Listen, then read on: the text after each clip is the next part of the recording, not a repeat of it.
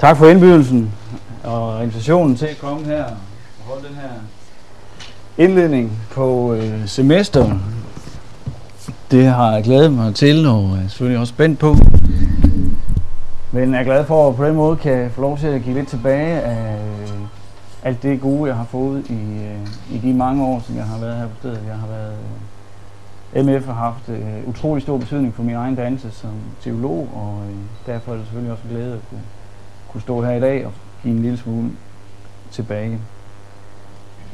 Men før vi øh, går i gang, så synes jeg, vi skal bede om, at Gud han vil vejlede os med sin ånd.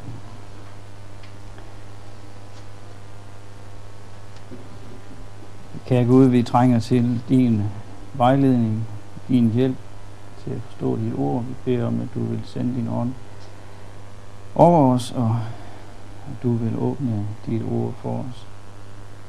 Vi om, at du vil tale din nåde ind i vores liv. Amen.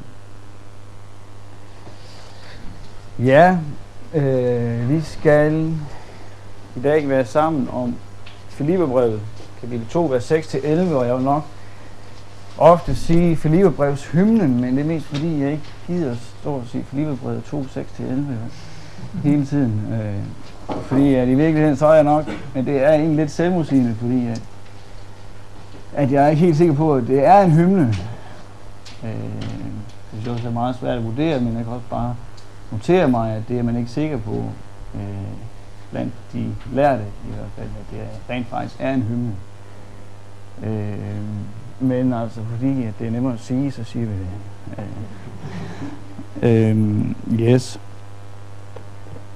Den øh, vinkel, som jeg vil lægge på det til at begynde med, er øh, først vil starte med at introducere jer og os til øh, en bestemt forståelse af Filipperbrevets hymnen.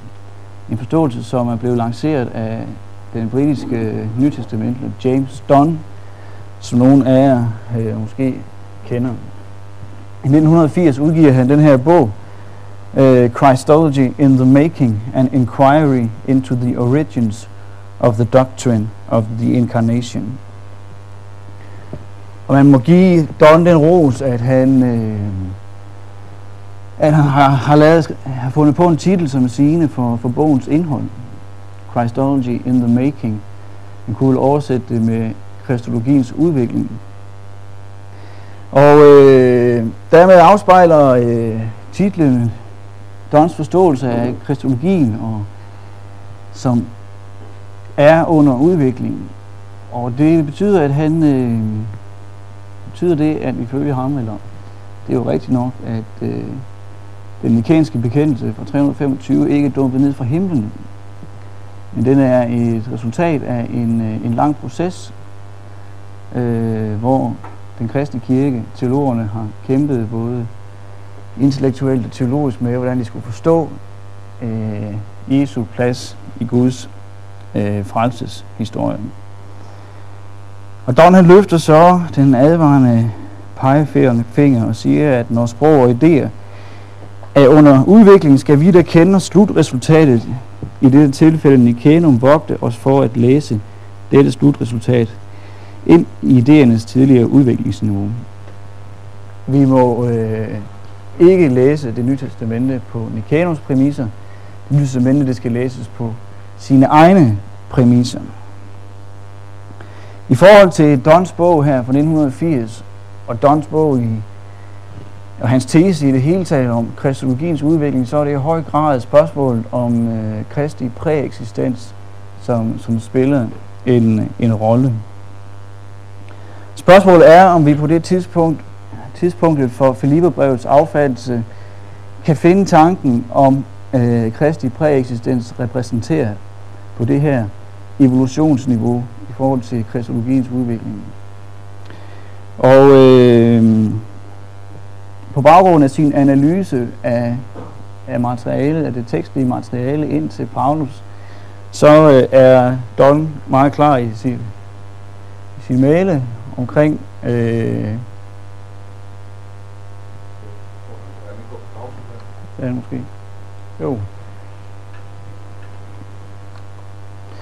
Øh, at på det tidspunkt, hvor Filippe brevs hymnen øh, er skrevet øh, på det tidspunkt, kan vi ikke finde tanken om Kristi præeksistens repræsenteret. Der er ikke nogen forudsætninger i jødedommen eller i det gamle testamente, eller hos den historiske Jesus for den sags skyld, for Kristi præeksistens. Derfor så konkluderer han, so far as we can tell, therefore the context of thought on which Paul was drawing and which would illumine his words for his readers did not yet include the thought of a pre-existent original man who descended from heaven as redeemer of men.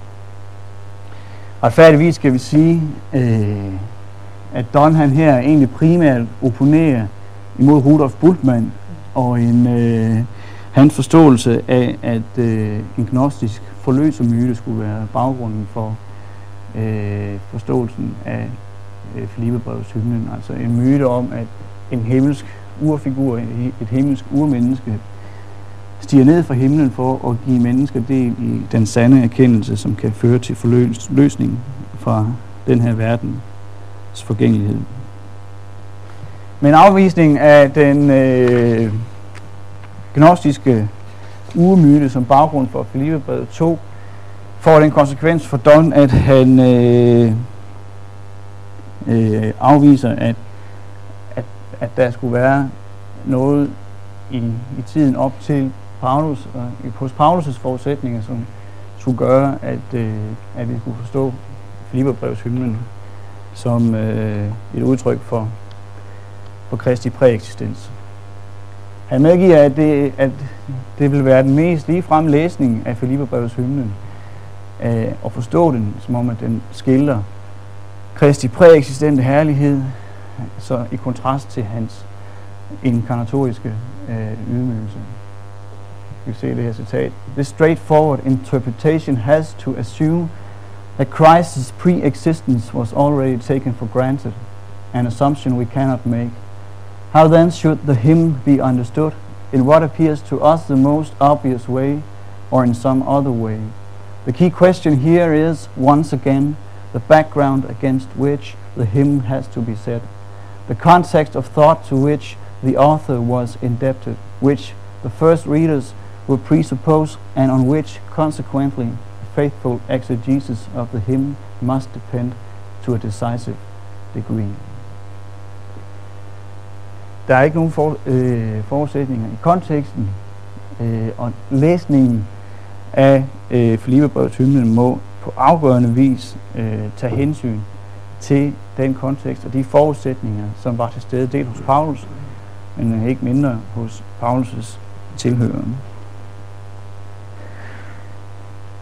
Okay, hvad for en baggrund skal vi så læse øh, Filipperbrevs hymnen på? Og øh, Dons svar er, at øh, Filipperbrevs hymnen bedst lader sig forstå på baggrund af en Adam-kristologi.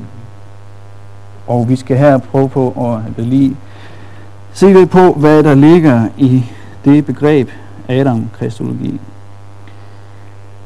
For at forstå det, så skal vi se, at en af de øh, vigtigste tekster fra det gamle testamente, som de første kristne bruger i deres begrundelse for at forstå Jesus Kristus som Guds søn, er øh, salme 110, vers 1, hvor der står, Herren sagde til min herre, sæt dig ved min højre hånd, indtil jeg får lagt dine fjender som en skammel, skammel for dine fødder. Herren sagde til min herre, sæt dig ved min højre hånd. Igen og igen refererer de første kristne den her salme, som, og ser den som et bevis på, øh, at Kristus er Guds søn, og proklamerer den her salme, når de proklamerer Kristi opstandelse. Og et af de vigtigste transition points, som Don kalder det, i kristologiens udvikling, er på det tidspunkt, hvor man begynder at læse, sammenlæse salme 110, vers 1, med salme 8, vers 6, hvor der står, at alt har du lagt under hans fødder, øh, som et udtryk for Kristi ophøjelse til faderens højre hånd, og den myndighed, som Gud skænker Kristus i den forbindelse. De første kristne begynder at læse salme 110, vers 1, sammen med salme 8, vers 6. Og øh, det afspejler en bestemt kristologi og en bestemt soteologi. I hvert fald, hvis man spørger Don, det gør det selvfølgelig, men om det så er den forståelse, Don han slår på tromme for, det skal vi prøve at se. Men øh, vi kunne prøve at se, at Hebræerbrevet kapitel 1 er eksponent for den her sammenlæsning af øh, salme 110, vers 1 og salme 8, vers 6. I Hebræerbrevet kapitel 1, vers 13 ser vi, at, at, øh, at Hebræerbrevets forfatter tolker øh, Kristus ud fra salme 110, øh, vers 1. Den taler i virkeligheden om Kristus, siger Hebræerbrevets forfatter.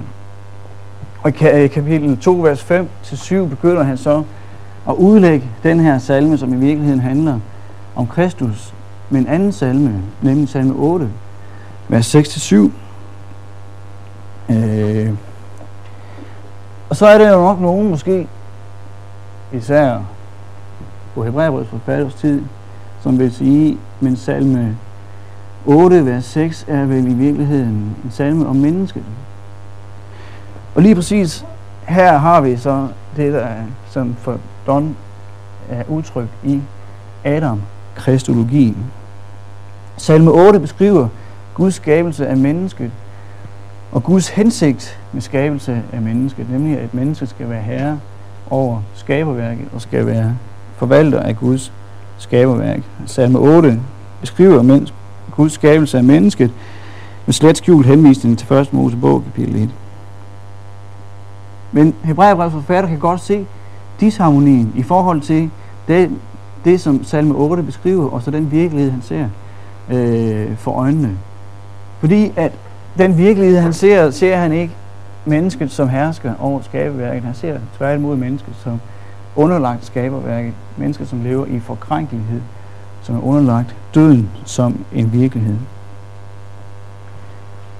Så derfor siger han, men vi ser endnu ikke, alle ting er underlagt ham. Hvad ser vi så? Vi ser Jesus for en kort tid gjort ringere end engle. På grund af lidelsen til døden, kronet med herlighed og ære, så at han ved Guds nåde har smagt døden for alle. Beklager en lidt, lidt ordrettet oversættelse. Det får at få sammenhæng med den græske tekst tydeligere frem. Vi ser ikke, at skaberværket er underlagt mennesket, men vi ser, at Kristus, øh, eller skaberværket er underlagt Kristus, og at Kristus indtager den plads, som Gud havde tiltænkt mennesket i forbindelse med skaberværket. Den her kristologi, hvor at Kristus indtager Guds, eller indtager den plads, som Gud havde tiltænkt mennesket ved skabelsen, ved hans ophøjelse til faderens højre hånd, kan vi også finde hos Paulus. 1. Korinther kapitel 15, vers 45, øh, kalder øh, Paulus Kristus for den sidste Adam. Og på den måde så beskriver han Kristus som en ny stamfar til en ny menneskehed. Det kan man give sig udslag i, at han siger, at Kristus er opstået fra de døde som førstegrøden af de hensovne. Han er opstået som førstegrøden, der skal følge en ny slægt efter Kristus siger han i 1. kor 15.20, og i Romerbrevet kapitel 8, vers 29, siger han, at han er den første fødte blandt mange brødre. Samme tankegang. Jesus er den sidste Adam, og derfor har han også banet vejen for alle mennesker til at få del i den herlighed og den ære, de aldrig har fået del i, fordi at de har mistet den, fordi at de har fået del i Adams fald. Adam, som mistede herligheden for Gud, øh, i forbindelse med syndefaldet. Den opstandende Kristus indtager den position, som Gud oprindeligt havde tiltænkt mennesket i forbindelse med skabelsen, siger Don. Det ligger i, i den her Adam-kristologi. Det er den opstandende Kristus. Ifølge Hebræerbrevet kapitel 2, der bliver Jesus den sidste Adam gennem sin lidelse og død. I sin lidelse og død bliver Kristus i et og alt som sine brødre. Og tankegangen er, at Kristus kun kan blive den sidste Adam og stamfar til en ny menneskehed, hvis han først bliver et med den første Adam, og frivilligt påtager sig at lide Adams død. Det er det, der kommer tydeligt frem i Rombrevet kapitel 5, vers 12-19, hvor Jesu lidelse og død, død tolkes som en lydighedshandling. Kristus bliver lydig ind til døden. Kristi lydighed bliver til liv øh, for mange. I lydighed påtager den jordiske Jesus sig at lide den første Adams død, hvilket vil sige døden som Guds straf. Ved på denne måde frivilligt at gennemleve den første Adams skæbne, bliver Jesus den sidste Adam, forfadet til en ny menneskehed, efter Guds oprindelige plan, som den er udtrykt i 1. Mosebog, kapitel 1-2 og salme 8. Jesu død kan have den virkning, fordi at Jesus han dør som et syndoffer, øh, som er udtryk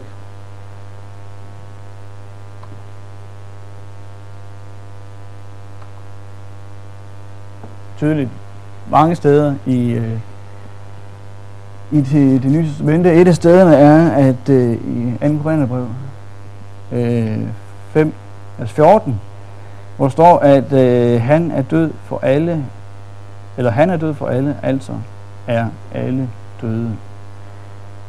Kristus dør som syndoffer repræsenterer hele verdens synd i sin død. Derfor så er alle mennesker inkluderet i den her øh, død. Samme kommer til udtryk i 2. Korintherbrev 15, eller 5, 21. Han, der ikke kendte synd, har han gjort til synd for os, for at vi kunne blive Guds retfærdighed i ham. At det her er et udtryk for, at, øh, at det her er ifølge Don et øh, udtryk for, at Jesus dør som den første Adam, og derfor kan Don også konkludere, to say that Jesus died as representative of Adamic humankind, and to say that Jesus died as a as sacri- sacrifice for the sins of humankind, was for Paul to say the same thing. Sammenfattende kan vi sige om Adam-kristologien, at den er toledet i sin struktur. Første led består i, at Jesus frivilligt påtager sig at gennemleve den første Adams skæbne. Frivilligt påtager han sig den første Adams lidelse og død, øh, og dør som et syndoffer. Alle dør med Adam, og alle dør med Kristus, fordi Kristus dør som et syndoffer. Andet led i den her toledede Adam-kristologi består i, at Gud oprejser Kristus fra døden, kroner ham med den herlighed og ære, Adam mistede ved syndefaldet.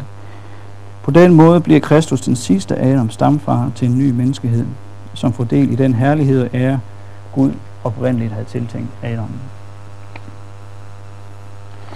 Og Dons øh, tese er, at Filipperbrevshymnen lader sig bedst forstå på baggrund af den her Adam-kristologi, fordi at det er svært at påvise tanken om præeksistens øh, på det her tidspunkt i kristologiens udvikling.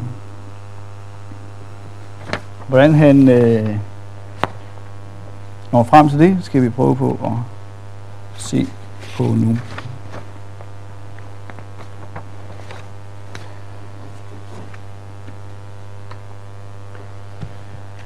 Den her Adam kristologi kommer til udtryk også i Filipperbrevs hymnen, ved at der er en dobbelt kontrast i Filipperbrevet kapitel 2, vers 6-7. Og det er de røde og de blå, der indbyrdes kontrasterer hinanden, hvis man skulle være i tvivl. Øhm, og den her dobbelte kontrast i det her vers øh, er ifølge Don en henvisning til 1. Mosebog kapitel 1-3. Det vil sige, det er en henvisning til menneskets skabelse og menneskets syndefald. Den første kontrast, det vil sige den røde, lader sig bedst forstå øh, ifølge Don som en allusion til Adam før og efter øh, syndefaldet. Han som var i Guds skikkelse, refererer til Adam før syndefaldet, fordi at øh, Morfæ og Icon billede øh, i, det, i det græske gamle testamente er tæt på at være synonymer, så er det en oplagt forståelse. Det handler om en reference til den første Adam og hans, det at han var skabt i Guds billede. Sidste, eller den anden, anden del af den røde kontrast, han tog en tjeners skikkelse på, refererer så til det, som Adam bliver efterfaldet. Efterfaldet, det bliver Adam nemlig en træl under forgængeligheden. Det beskriver Paulus i Rombrevet kapitel 8, vers 18 til 21, at det skabte menneske sukker og vonder sig i den her verden under forgængeligheden. Og i Galaterbrød kapitel 4, vers 3 siger Paulus, at øh, det her, at, at, øh, at mennesket er trælle under øh, mørkets magter, under onde øh, magters magt. Så det er et udtryk for, at han, det der med, at han tog en tjeners skikkelse på, er et udtryk for, hvad Adam er en henvisning til det, som Adam han, han bliver efter syndefaldet. Men de her vers handler jo i virkeligheden om, om Kristus. Og på den her måde, så kommer den, dog den første, den røde kontrast til at afspejle den første, første led i den toledede struktur, som Adam-kristologien er, er bærer af. Kristus er i Guds billede, ligesom Adam var i, øh, ved den første skabelse. Og Kristus han tager en tjeners skikkelse på. Det vil sige, at han tager Adams skæbne på sig. Frivilligt påtager sig, påtager sig han, han sig Adams skæbne helt ind til døden.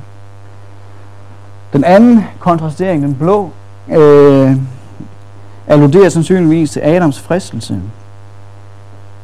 Øh, det første blå, det at være lige med Gud, minder jo meget om det, som slangen øh, frister Adam med.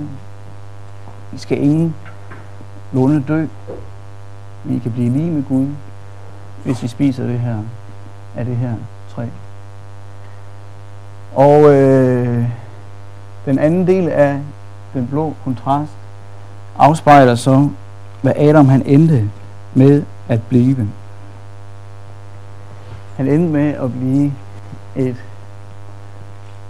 menneske i lighed. Vi kan ikke helt se her, men det Don han, han, han hævder, at den blå kontrast sandsynligvis refererer til, hvad Adam bliver efter faldet, fordi at verset på mange måder minder om Rom, det som Paulus siger i Rombrevet kapitel 1, vers 23, hvor Paulus siger, at de skiftede den uforgængelige Guds ære med et forgængeligt menneskes billedes lighed.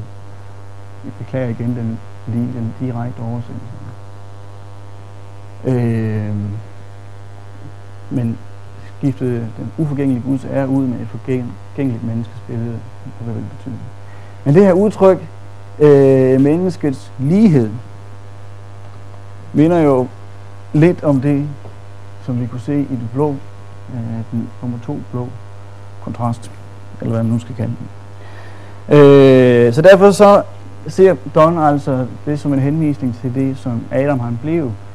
Han blev et menneske, som mistede Guds billede, og blev et menneske, som lever i støvs billede, i sit eget billede. Og på den her måde, men de her vers handler jo også om Kristus. Det handler jo ikke øh, kun om Adam. Og derfor så afspejler de ifølge Don, at Kristus han gør ikke lige som Adam han gjorde. Øh, fordi at Kristus han stræbte ikke efter at blive lige med Gud. Det var det, der var Adams synd. Adam han stræbte efter at blive lige med Gud. Det stræbte Kristus ikke efter. Kristus var så at sige tilfreds med at være med et menneske skabt i Guds billede. Adam var ikke tilfreds, han ville være lige med Gud. Kristus var så at sige tilfreds med at være skabt i Guds billede. Han falder ikke for, øh, for djævelens fristelse. Men Kristus han bliver så også ligesom mennesket, som igen er et udtryk for, at han frivilligt påtager sig Adams skæbne, og han frivilligt påtager sig at lide Adams død. Fordi at, at Jesu død kan forstås som en lydighedshandling, ligesom det skal i Rombrevet 5, og som det også bliver øh, beskrevet som i Filibrevet kapitel 2, vers 7. Ja, hvis vi læser lidt videre og kommer ned til kapitel 2, vers 9-11, så kommer vi til det andet led i Adam-kristologiens toledede struktur. Det her andet led, hvor Kristus ophøjes til øh, den position, som Gud ved skabelsen egentlig havde tiltænkt mennesket. Øh, vers 9-11 er, lad os bedst forstå, hvad er det, jeg kan også bare, okay. Øh, som et udtryk for det andet led i Adam-kristologi, at øh, mennesket bliver, eller Kristus bliver ophøjet på den, den plads, som, øh, som Gud oprindeligt havde tiltænkt mennesket. Når det hedder i Filipperbrevet kapitel 2, vers 9, at alle mennesker skal bekende, at Jesus Kristus er Herre, er det et udtryk for, at Kristus er blevet det menneske, som Adam skulle have været. Det menneske, som er Herre over skaberværket. Ja. Nogle spørgsmål til forståelsen af, af, af Adam kristologien. Bare sådan lige opklaring, hvis jeg nu ikke har været klar nogen. Det kan også være, at folk ikke har forstået så de ikke kan finde ud af at stille spørgsmål. Vi fortsætter. Der er mange... Det er så ikke lige helt det der med, hvordan på hvilken måde Adam han var en tjener, og det øh, er Jesus til tjenerskyld, for det var der, han også på en måde begynder at give Adams skæbne, Øh, ja, han udløber på en måde, at han øh, på en eller anden måde ser, øh, ja, han ser det som en mulighed i hvert fald, at, at der er en reference til Esajas 53, øh, som herrens lidende tjener i det her udtryk, at han tog en tjenerskikkelse på. Øh, ja. Ja, han mener, at, øh, og det kan man godt helt klart stille spørgsmål om det, hvor plausibelt det er, men han mener, at det der udtryk med, at han tog en tjenerskikkelse på, refererer til det, som skete med Adam efter han døde, eller efter han syndede, nemlig at han bliver en træl øh, tjener betyder egentlig også slave, og han bliver træl under øh, forgængelige magter, eller forgængeligheden under, øh, under åndsmagter. Hvordan er det noget negativt, at man slave under forgængelighed? Ja. Jeg er altid opfattet det som et positivt, at det skal Ja, men det er vel, det vil hvad det hedder, øh, Don også helt klart sige, det er. Altså, det er klart noget, Jesus gør for os. Altså. Øh, ja. Der er mange problemer og udfordringer i forbindelse med Dons tolkning. Dels af Filipperbrevshymnen, men også af hans tolkning af kristologiens udvikling som helhed. Vi skal her også med at forholde os til, til to spørgsmål. Hvilken plads spiller Adam egentlig overhovedet i Filipperbrevs hymnen?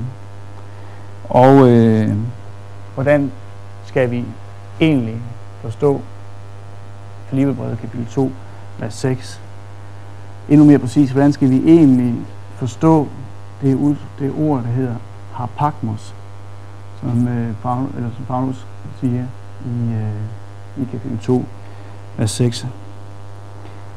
Øh, en af de måder for at forstå, hvad, hvad Don egentlig mener, det er, kan man se ved at, øh, at læse, hvordan han oversætter øh, hvordan han oversætter kapitel 2, vers 6.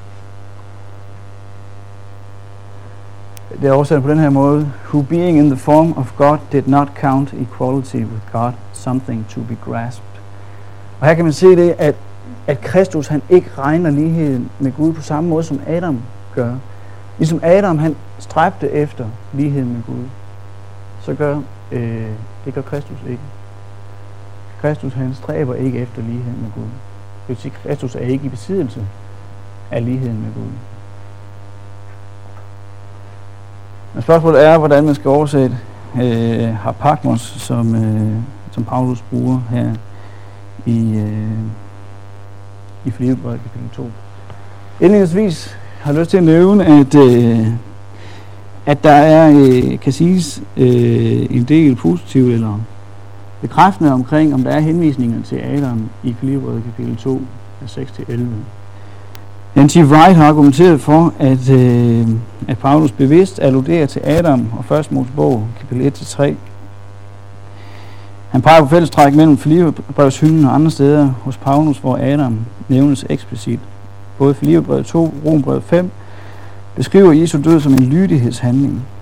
Der er også fælles træk med 1. Korintherbrev 15, 20-28, fordi at de vers, de tolker Kristi opstandelse og ophøjelse som en opfyldelse af salme 8, vers 6. Og ved at beskrive Kristi ophøjelse ud fra salme 8, det gør Paulus også i kapitel 3, vers 21, Filipperbrevet 3, 21, som tematisk set svarer til Filipperbrevet kapitel 2, vers 9-11. Så der kan, der kan siges meget øh, bekræftende om, at der er referencer til første Mosebog øh, i Filipperbrevets hymne, efter min mening. Før vi ser på, hvordan man skal forstå det, så skal vi prøve på at se lidt på forståelsen af det her mærkelige ord, harpagmos. Det her ord har voldt forskningen svare problemer i mange, mange år. Problemet er, at det findes kun det her sted i det nye testamente. Det findes slet ikke i øh, Septuaginta, og øh, i, i øh, græsk litteratur, ikke bibelsk græsk litteratur, findes det primært hos patristikerne, som bruger ordet i, i øh, forbindelse med deres beskrivelse af Filipperbrevshymnen. Så derfor så er det ret så vanskeligt at finde en, en, øh, en dækkende oversættelse.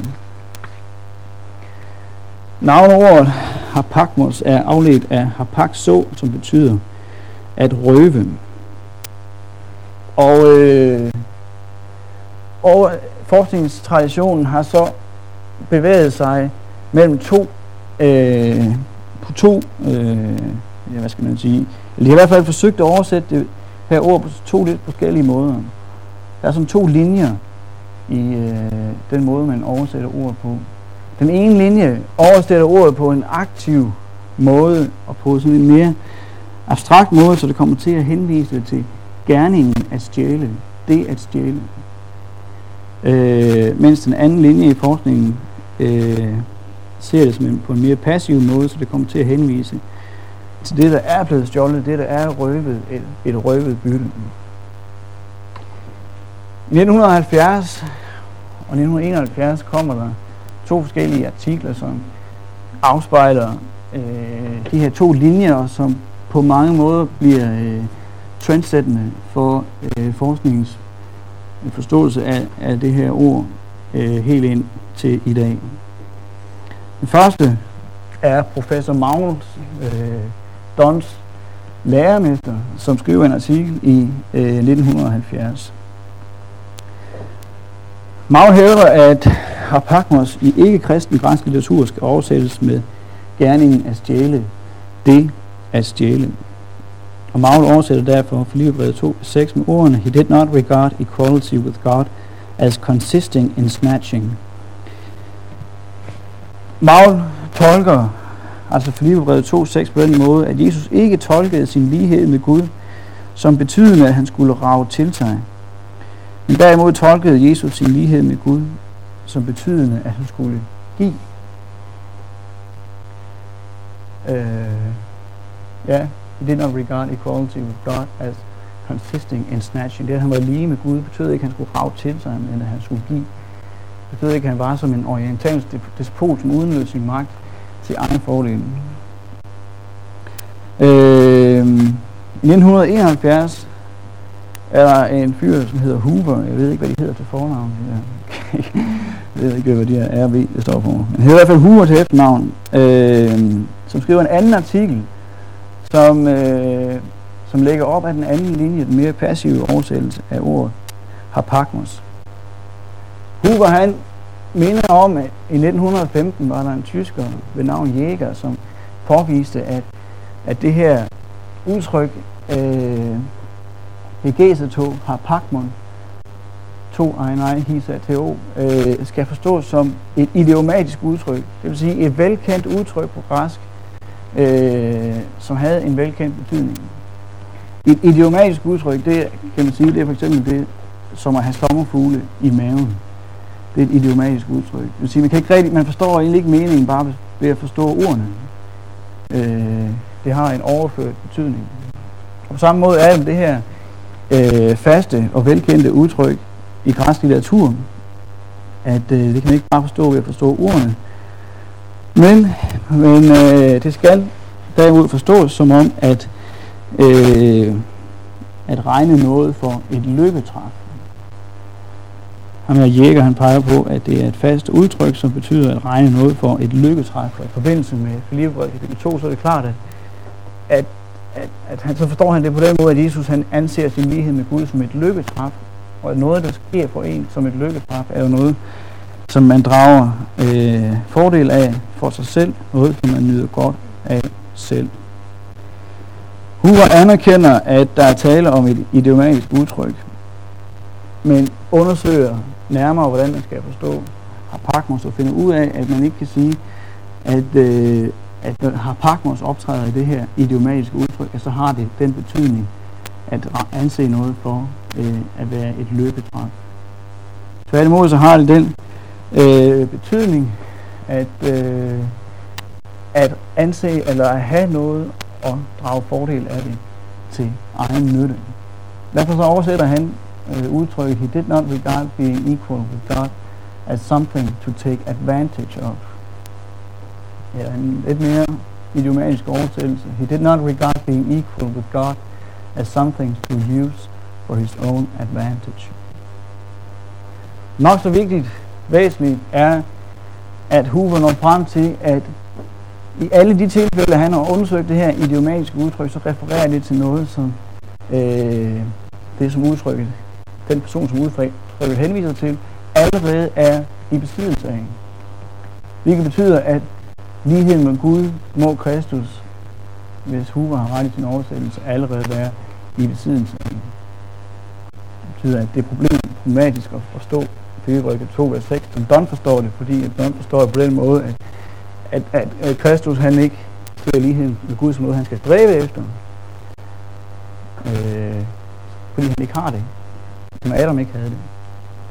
Hvis det er det her udtryk for det her, det faste velkendte udtryk, så er det et udtryk for, at noget, som man har allerede, personen er allerede i besiddelse af det, vil vil sige, at Kristus ifølge Filipperbrevet 2, vers 6 er lige med Gud. Nu er det selvfølgelig svært for, øh, for sådan en som mig i hvert fald, at lige gå ind og, og vurdere på forholdet mellem Maul og Hoover. Det er, øh, det er seriøst krak øh, undersøgelsen. Men man, må sige, man kan sige sammen at sige, at teologisk set er der ikke en stor forskel egentlig, og indholdsmæssigt set er der ikke en stor forskel på Maul og Hugo. Øh, begge tolker øh, Filipperbrevet kapitel 2, vers 6 på den måde, at øh, at Kristus han ikke kan bruge sin lighed til egen fordel. Ifølge Marvel så antog Kristus ikke sin lighed med Gud, som betyder, at han skulle rave til sig. En aktiv oversættelse. Mens Hoover han har den her oversættelse, at, at Kristus skal ikke drage fordel af sin egen position. Indholdsmæssigt og teologisk set er der ikke stor forskel på de her to oversættelser. Men filologisk set er der en forskel. Og 35 år senere øh, ser det ud til, at Hoover har vundet det biologiske slag. Langt største parten af kommentatorerne til Bibelbrevet 2 og 6 øh, læner sig op af Humes oversættelse. Selv Maul har faktisk øh, erkendt sit filologiske nederlag. Det er ret så væsentligt, for hvis Hoover har ret, hvad han sandsynligvis har, kan Don ikke have ret. Don hævder jo, at Kristus ikke er lige med Gud, og han ikke vælger at stræbe efter lighed med Gud, som Adam gjorde. Men fordi at det er et idiomatisk udtryk, som er velkendt, og som man kan påvise i den græske litteratur, kan man sige, at, at lighed med, med Gud er Kristus allerede i besiddelse af, hvis vi skal forstå udtrykket rigtigt. Det er ikke så mærkeligt. Den svarer i virkeligheden til den mest ligefrem læsning af Filipperbrevet 2 eller 6. Som Don også medgiver, det er most straightforward uh, interpretation, som vi læste om før. Det er den mest ligefrem læsning, og det er den, der giver bedst mening i forhold til at forstå Filipperbrevet kapitel 2, 6 11 som helhed. Så her afslutningsvis skal vi se på nogle konsekvenser af øh, Hoovers oversættelse af Filipperbrevet kapitel 2, vers 6. Den første konsekvens er, at Kristus er lige Gud forud for sin inkarnation, lidelse og død. Man kan ikke udnytte noget til egen fordel, som man ikke er i besiddelse af. Når udtryk skal oversættes, at han ikke forstod sin med Gud som noget, han skulle udnytte til egen fordel, må det betyde, at han er i besiddelse af ligheden med Gud. For det andet, så kan man sige, at øh, når Kristus ikke forstår sin lighed med Gud som noget, han skulle udnytte til egen fordel, så siger sætningen i virkeligheden noget om, hvordan Kristus han så forstår sin egen guddommelighed. Og derfor kan man også oversætte Filipperbrevet, kapitel 2, vers 6, kausalt, hvad jeg også har gjort på det papir, øh, jeg har udleveret. Fordi at kapitel 2, vers 6 siger noget om, hvordan Kristus forstår sin egen guddommelighed, så kan man oversætte verset på følgende måde. Fordi han havde Guds skikkelse, regnede han ikke det at være lige med Gud, som noget, han skulle udnytte til egen fordel. Ofte har vi vel oversat det så, øh, en skønt, en skønt han havde Guds skikkelse, regnede han det ikke for at rov at være Guds bibel.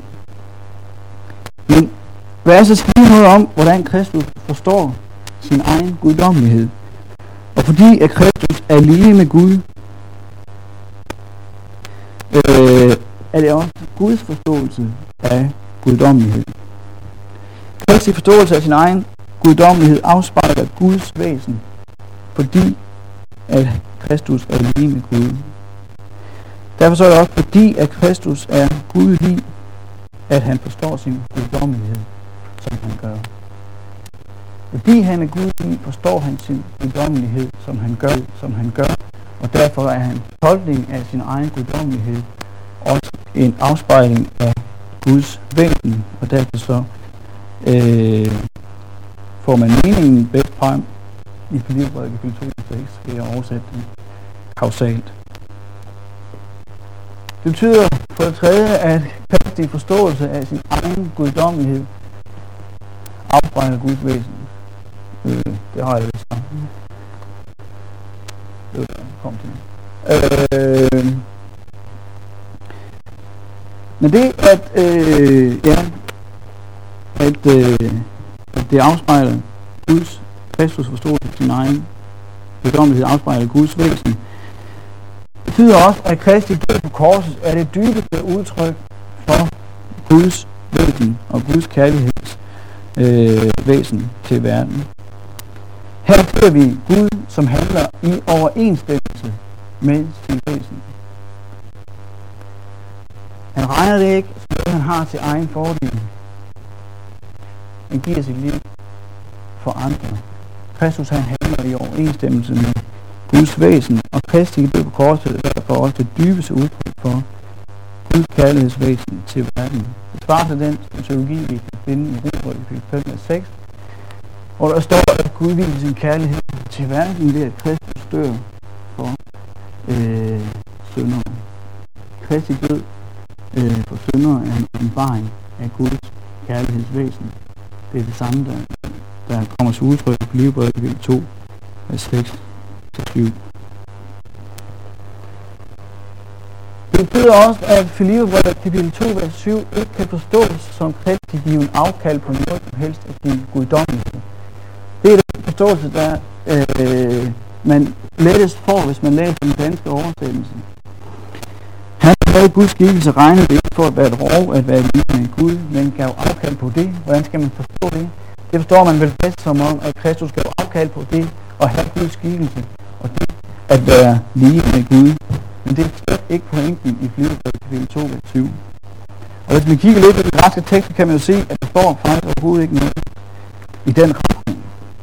Den, græske, eller den græske tekst siger nemlig, at øh, auton hekenoten, han tog sig selv, han gav sig selv. Sig selv. Objekt hypnosen er et refleksivt pronomen, hvilket vil sige, at det skal oversættes, Kristus gav afkald på sig selv. Han gav ikke afkald på det, altså sin lighed med Gud, eller sin guddomsgivelse, men han gav afkald på sig selv, han tømte sig selv, han gav sig selv. Pointen i Filipperbrevet kapitel 2 vers 7 er altså at vise, at netop i sin lidelse og død har Kristus Guds skikkelse. Er Kristus Guds liv afspejler Kristus Guds inderste væsen, fordi Guds inderste væsen er at forstå sin guddommelighed på noget, han har for egen fordel. Øh.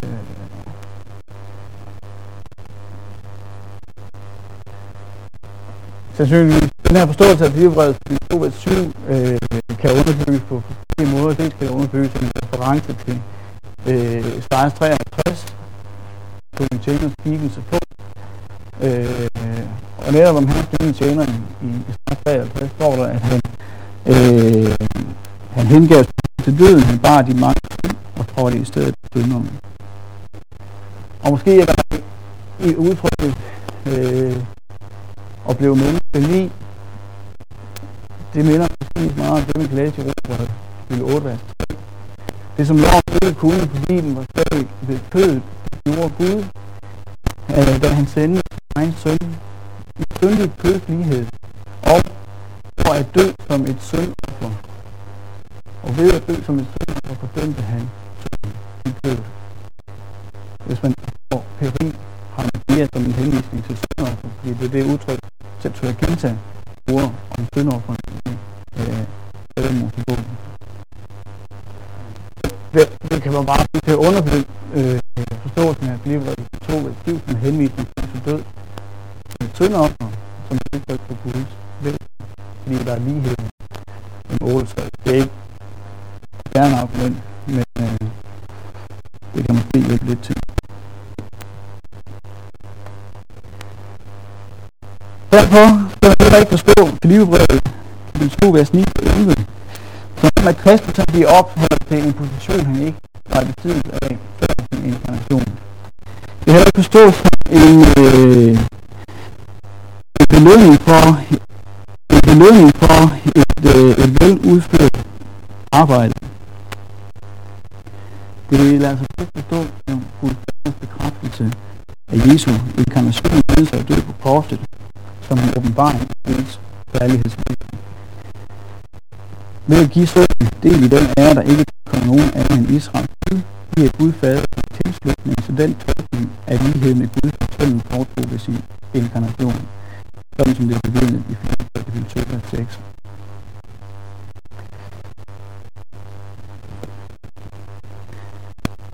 Hvad skal vi så forstå? Øh, øh, den her reference til æren, som ske, kan følges i til kapitel 2, og 6, 2, fik til 11. Det skal vi lige her til fint øh, lige tænke lidt over. Øh, øh, der er en forståelse, der øh, Bibelen 2, vers 6 til 11, en reference til, at Kristus opholdet til den som Gud oprindeligt har tiltænkt Adam, som Adam mistede på grund af synden. Øh, han øh, medgiver, at 4 2 med 11 tilføjer en ny dimension til bekendelsen til Kristus.